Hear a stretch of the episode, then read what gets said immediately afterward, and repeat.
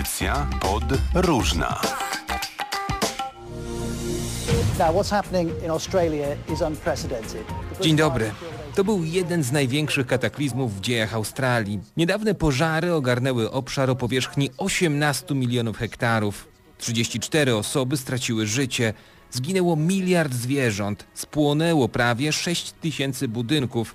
Na miejscu dramat obserwowali podróżnicy Gabriela Górka-Majnusz i Jakub Majnusz. Naszą podróż zaczęliśmy w miejscach, gdzie te pożary naprawdę były widoczne. Przez cały ten obszar, gdzie one występowały, zarówno przejeżdżaliśmy w momencie tych pożarów, widzieliśmy je gdzieś w oddali i tak samo były miejsca, które przekraczaliśmy, które odwiedzaliśmy już po tych pożarach. Były sytuacje takie, że jechaliśmy czasem i 300 kilometrów po prostu pośrodku niczego. Wokół nas były popalone drzewa, unoszący się ten zapach, taki smog w zasadzie wszędzie w koło. Był taki moment, że jechaliśmy i w zasadzie w ogóle się do siebie nie odzywaliśmy przez dwie godziny, bo, no bo było w ogóle ciężko cokolwiek powiedzieć, widząc to, co się tam wydarzyło. Faktycznie to jest tak gigantyczna skala. W telewizji można usłyszeć różne rzeczy, ale tak naprawdę usłyszenie to jedno, a zobaczenie tego na własne oczy to jest naprawdę zupełnie inne przeżycie. Bycie tam w trakcie tych pożarów, setki kilometrów popalonych miejsc, też zamknięte drogi, ilość gdzieś tam strażaków jadących w stronę pożarów, to było naprawdę przerażające. To nie był pożar parku. Jak sobie porównamy te obszary, no to tak jakby cała Europa nagle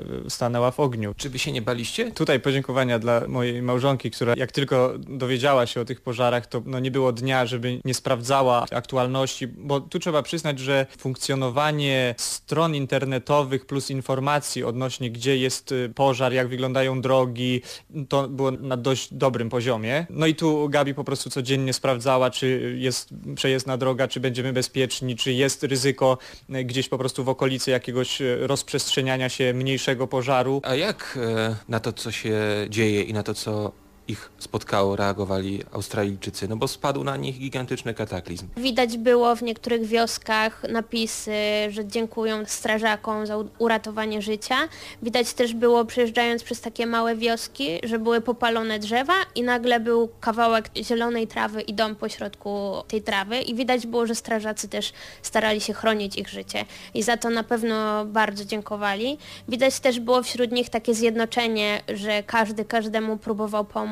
Gdzieś tam pojawiały się strony, gdzie można było się zgłosić, że ktoś potrzebuje pomocy albo zgłosić, że ktoś może przyjąć kogoś w sytuacji kryzysowej. A z drugiej strony było widać, że ludzie też mieli żal do takiej organizacji samej pomocy, bo wiadomo, pożary w Australii były i zawsze będą, bo one są potrzebne. Z tego co rozmawialiśmy z lokalną społecznością, e, one są potrzebne do ogólnego rozwoju, żeby tak jakby użyźnić tą glebę pod kolejne lata upraw. Więc tam to działa na takiej za samej zasadzie, zarówno z uprawami, jak i ogólnie z lasami, żeby to wszystko odpowiednio funkcjonowało, wszystkie te ekosystemy, żeby, żeby odpowiednio działały, to ten pożar jest potrzebny, ale jest potrzebny pożar kontrolowany, czyli te miejsca z reguły powinny być wypalane, ale pod kontrolą. Zaczęły się pojawiać te problemy, że to było później coraz ciężej utrzymać, plus y, pogoda, która też y, no, spłatała, że tak powiem, figla w tym roku, bo pożary z reguły zaczynały się tam po początkiem stycznia, lutego, trwały może z miesiąc, przechodziły, no i tak jakby sukcesywnie się to co roku powtarzało, a w tym roku te pożary zaczęły się już w październiku. Dwa wcześniej. Nie. Dokładnie I, i ludzie byli tym zaskoczeni, tym faktem. Wszystko się tak nagle szybko rozprzestrzeniało z racji tego, że też były ogromne, wysokie temperatury powietrza w porównaniu z poprzednimi latami, co no, nie pomagało temu, żeby te pożary e, się zmniejszyły. No i w pewnym momencie nie było widać wsparcia po prostu rządu dla tych strażaków. Oni sami zaczęli się organizować, sami zaczęli tym ludziom pomagać, nieść pomoc za darmo w zasadzie, na zasadzie wolontariatu. Czyli co, w pierwszym momencie władze zbagatelizowały ten problem? Z tego co się dowiedzieliśmy, to tak. Nie było takiego wsparcia na dodatkowe sprzęty. No i problem y, dość smutne było to, że w momencie, kiedy w jednym momencie te pożary jeszcze były i tam parę dni później nagle przyszły ogromne, ogromne opady tam w okolicach Brisbane. Dostaliśmy informacje od naszych znajomych, którzy tam mieszkają, że nadeszły ogromne powodzie. Jednego dnia nawet grad bardzo mm, obfity spadł na tamte obszary.